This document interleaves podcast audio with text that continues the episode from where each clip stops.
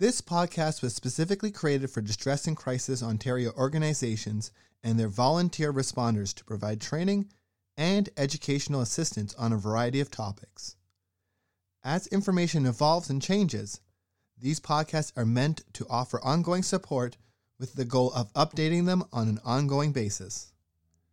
We thank the volunteer responders and the contributors to this podcast. Please visit our website, dcontario.org, for more information and how to access free mental health services. Thank you.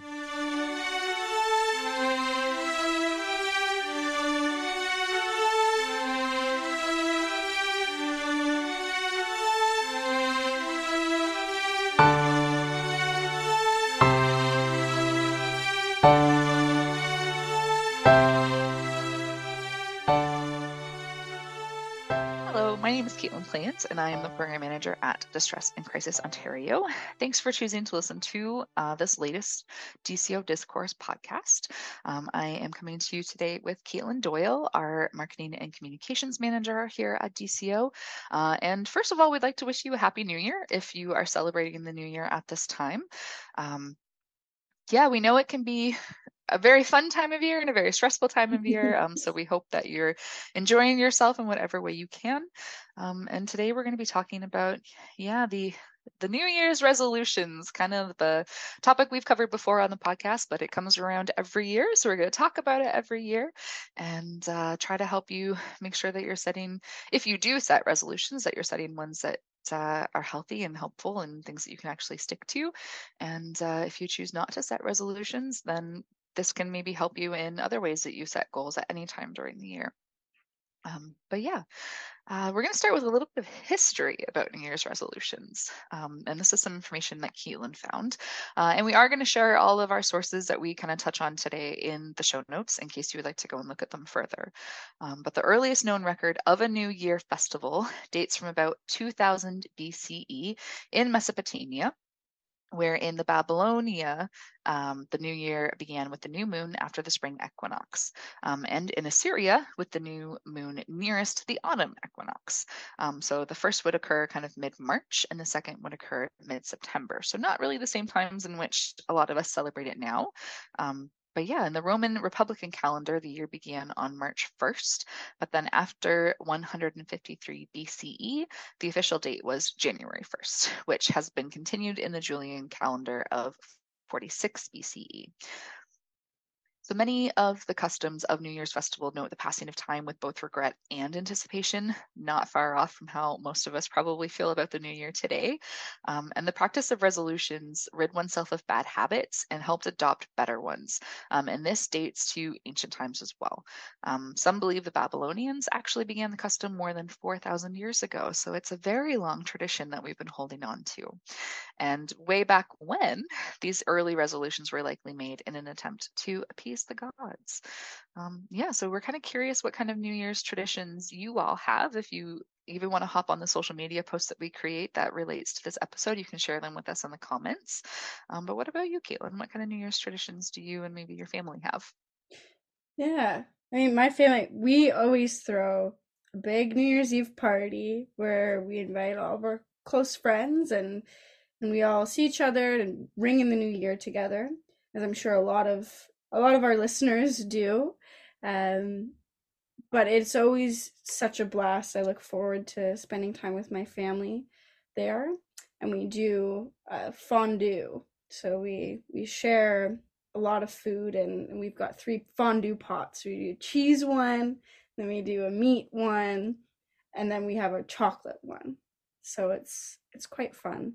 Um, but in terms of resolutions, feel like I gave up resolutions in uh, or typical resolutions in in high school. My mom told me that instead of a resolution, she was just going to pick a word that was going to encapsulate the year or a word that she wanted to move forward with within the year.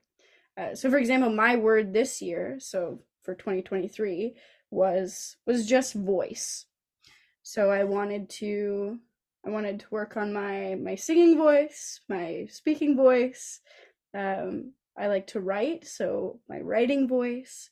Uh, and it also kind of came to be a, a, a bit of a accountability thing as well. You know, how am I sticking up for myself and how am I using my voice to tell myself positive things? Um, so that's kind of what my my resolutions have turned into now is just a, a one word that I I'd like to move forward with throughout the year. And then it kind of takes the the onus off of those very specific resolutions because I found I was always so bummed when I didn't didn't get them. I think that's awesome. What a great way to carry that through. Yeah. And what about for yeah, for our family, um, New Year's has kind of shifted for me since my uh, daughter is actually born uh, New Year's Eve. Um, Oh. so I kind of focus more on her birthday than I do on the new year. Mm. Um, as she's getting older, um, she'll be 13 this year, which is wild. Uh, she kind of likes to celebrate the new year now. Um, she tries to stay up to see the fireworks and all that kind of stuff. Mhm. So it kind of becomes like a joint a joint thing in our household but similar um, i have a very dutch family uh, so one of the things that we do when we can it doesn't happen every year because it's a lot of work um, but we do oliebollen which is like a deep fried dough that you put in like powdered sugar it's kind of it's kind of beignet-ish Mm. um, but with a yeah dutch twist and it's just these little balls of deep fried goodness um, those are kind of our, our our food tradition that we do again when we have uh, the energy to do it. It's a lot of work um, but yeah similar to you I, I don't really do the resolutions thing um, because i found that they didn't really work for me um, I, I was always one of those people that yeah i'd start off pretty strong for the first couple weeks in january and then my motivation would peter out and i'd kind of beat myself up about it um, but we do typically talk about yeah the things that we really enjoyed in the previous year and kind of the celebrations that we celebrated and the things that we overcame and all that kind of stuff and then looking forward to the new year we kind of set maybe intentions more than resolutions and kind of Mhm. things that we would like to um yeah maybe do a little bit better in the new year but not with those kind of yeah limiting almost uh, resolutions attached to them. So maybe we want to make sure that we're spending less time on our screens, um, and we talk about how we can like hold each other accountable to that. Um, but we don't set a every Sunday is going to be a screen free day kind of thing because we know that there's going to be times where actually we're all really tired and we don't want to do an activity on Sunday and maybe watching a movie is what we can do. Mhm. Um, so yeah, we kind of approach it a little bit more fluidly as well. Yeah, that's cool. Uh, according to the I pulled it from Forbes, they had a survey of the most common New Year's resolutions that are going into 2024. And so 48% of people said improve fitness, 38% said improve finances, uh, 36% said improve mental health. Not surprising, 34% said to lose weight, and then 32% said an improved diet. And they did have a couple more, but they were those were quite uh, they're smaller numbers, so you can go check that out if you maybe maybe you want some inspiration for your own resolution. Um, but also going back to the point about both of us kind of dropping the typical or traditional resolutions uh, you're not alone. If you quit your resolution obviously there's two of us right here who have we've given up on those traditional resolutions. We do something a bit different but multiple sources have said that january 17th is ditch new year's resolutions day or the second friday in january which is quite early but uh, that's also known as quitters day.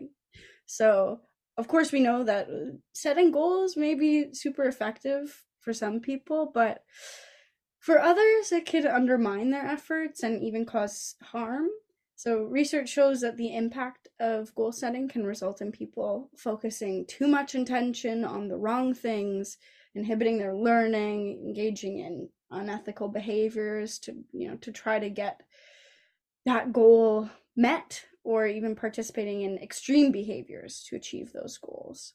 Um, so I'd love to hear some of your thoughts on on how we can keep a resolution that sticks.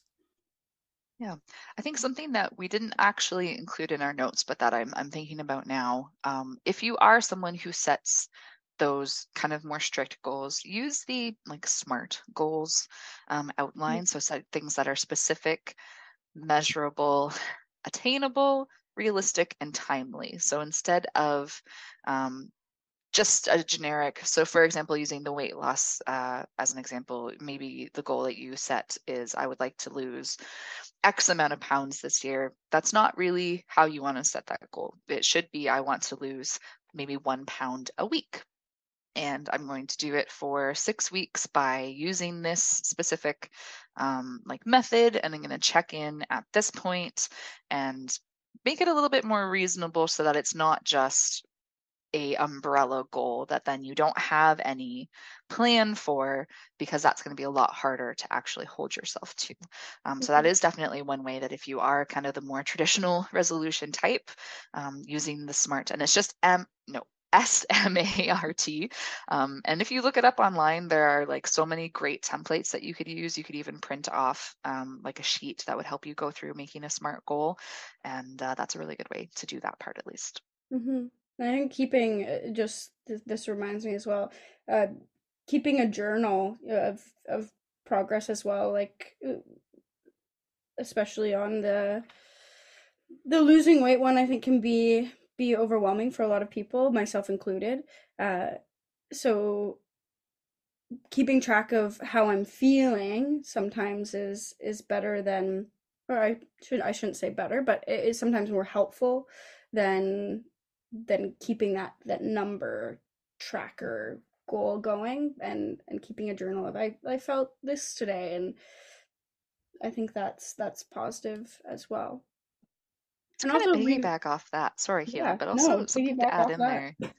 Um, if you are a female and you are listening to this and your goal is related to weight, remember that your weight is naturally going to fluctuate depending on where you are in your menstrual phase mm-hmm. and not beating yourself up about that and recognizing that sometimes you're going to be bloated no matter what you do because your body is in a certain part of your phase. So, really just being gentle with yourself. And if you're not seeing yeah, if you're not seeing changes as quickly as you would like to, if you're not always feeling great, kind of also giving yourself permission to think through where you are in your cycle and recognizing that that's going to have a huge impact.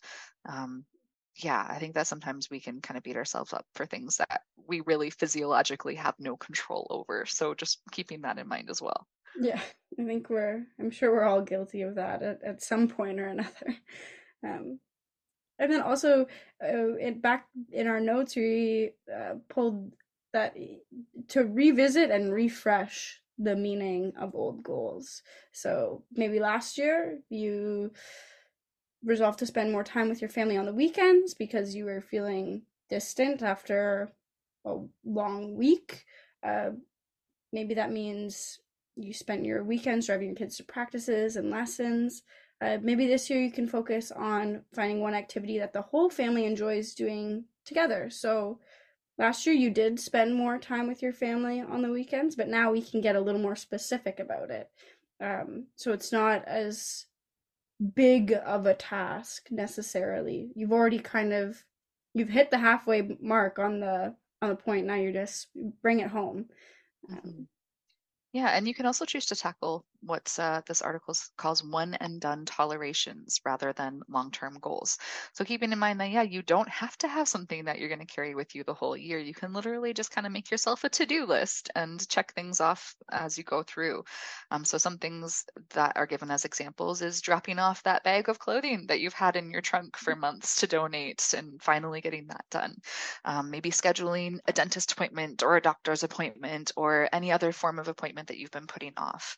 Um, updating your LinkedIn profile or your other social profiles. Um, maybe you have an event that you've been invited to that you haven't RSVP'd for yet, and you can do that. Um, a big one that I do often actually is unsubscribing from emails you no longer want to receive, or unfollowing social media accounts that are no longer serving you, or even going through the accounts that follow you and thinking, hey, I haven't actually interacted with this person since high school. Like they don't actually need to follow me anymore, and, and doing that sort of thing. Maybe there's a burnt out light bulb in your house that's been burnt out for ages and you can finally replace that. Um, yeah, just any of those little things that you have been putting off, or maybe it's only been a week since you noticed it. Um, but making yourself a list of those kinds of things and checking them off as you go. And that can be, yeah, almost more satisfying sometimes than doing a long term goal. Um, and it gives you that way to kind of have that uh, more instant gratification, maybe in terms of you really feel like you've accomplished something. Mm-hmm. And to to jump over that, that makes me think too. Uh, maybe there is a, a long term goal that you want to tackle, but but breaking it down into those smaller tasks, you know, so you you are still giving yourself that little to do list, and it seems a bit smaller. Uh, and then the umbrella task is just that that big one that you're working towards. But then it's I don't think it seems as scary when you start to break it down in in in little parts. Um, and also, I think something nice that you you can also do as a resolution is is helping someone else achieve their goals, or just like in addition to your resolution, helping someone achieve their goals. So you can try offering um, one or more of these pieces as a support item. So you know, listening without judgment, hearing them out, help them make that concrete action plan. So maybe they do have that huge task and they have no idea where to start with it, you can help them break it down, uh, connect them to resources, uh, whether that is uh, knowledge online, people, um, supplies, even if you're able, financial support. Teach them how to do something you know how to do. For example, maybe you've got a friend who wants to learn how to crochet and then you know how to do a couple of those those stitches so so you can teach them how to do that and that can also turn into just a fun weekly thing that you can do together and share and spend time together and of course if they ask you you can be an accountability partner with them and if you want the support as well you can say hey we're in it together. Let's let's both help each other achieve our goals. Encourage and cheerlead them on of course uh, all through that. And then also anticipating some barriers to success and knowing too that there probably will be a, some failure in there um, little bumps in the road and and that's okay. We all we all hit that and anticipating that and helping them through that failure and and not not judging them for for falling a little bit also reminding them to pause and rest I think people, especially around the new year, kind of just want to like jump in. Myself, I'm like, I set these things and then I'm just like so fast and then I'm like doing the sprint, but it's a long distance race and now I'm out of breath and way behind. So reminding your friends to to pause and rest and reminding yourself to pause and rest. And of course celebrating wins. I think that's so important. Each each little step can be a win. I think that's maybe why it's it's nice to do those like checking off a to-do list because even if it's small, you're still giving yourself that that little bit of celebration and gratitude um, for yourself. And just remembering that no matter what kind of goals you're setting, no matter how you're moving into the new year, um, the best thing that you can do for yourself is is be self compassionate um, and try to be a little less self critical. Um, in the article that some of this information is coming from, um, they pulled a quote from Kristin Neff, who is somebody that we have shared lots of information on before in her work on self-compassion. Um, and she shared, quote, I found in my research that the biggest reason people aren't more self-compassionate is that they're afraid they'll become self-indulgent. They believe self-criticism is what keeps them in line. Most people have gotten it wrong because our culture says being hard on yourself is the way to be, end quote. Um, so yeah, just just reminding yourself that beating yourself up never makes things better.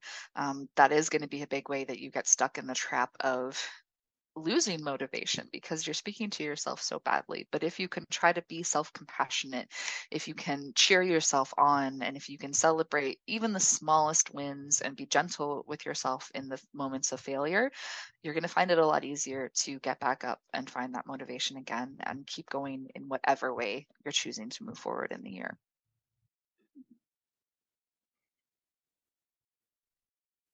yeah, I think that's wonderful. I'm looking forward to to moving through my, this new year. So thank you so much for having this conversation with me today, Caitlin. Um, hopefully, it's been helpful to all of our listeners, no matter how they're celebrating the new year. And uh, yeah, once again, happy new year from everyone at Distress and Crisis Ontario. Uh, we really appreciate all of the support that you've given us in 2023, and we look forward to continuing to connect with you all in 2024.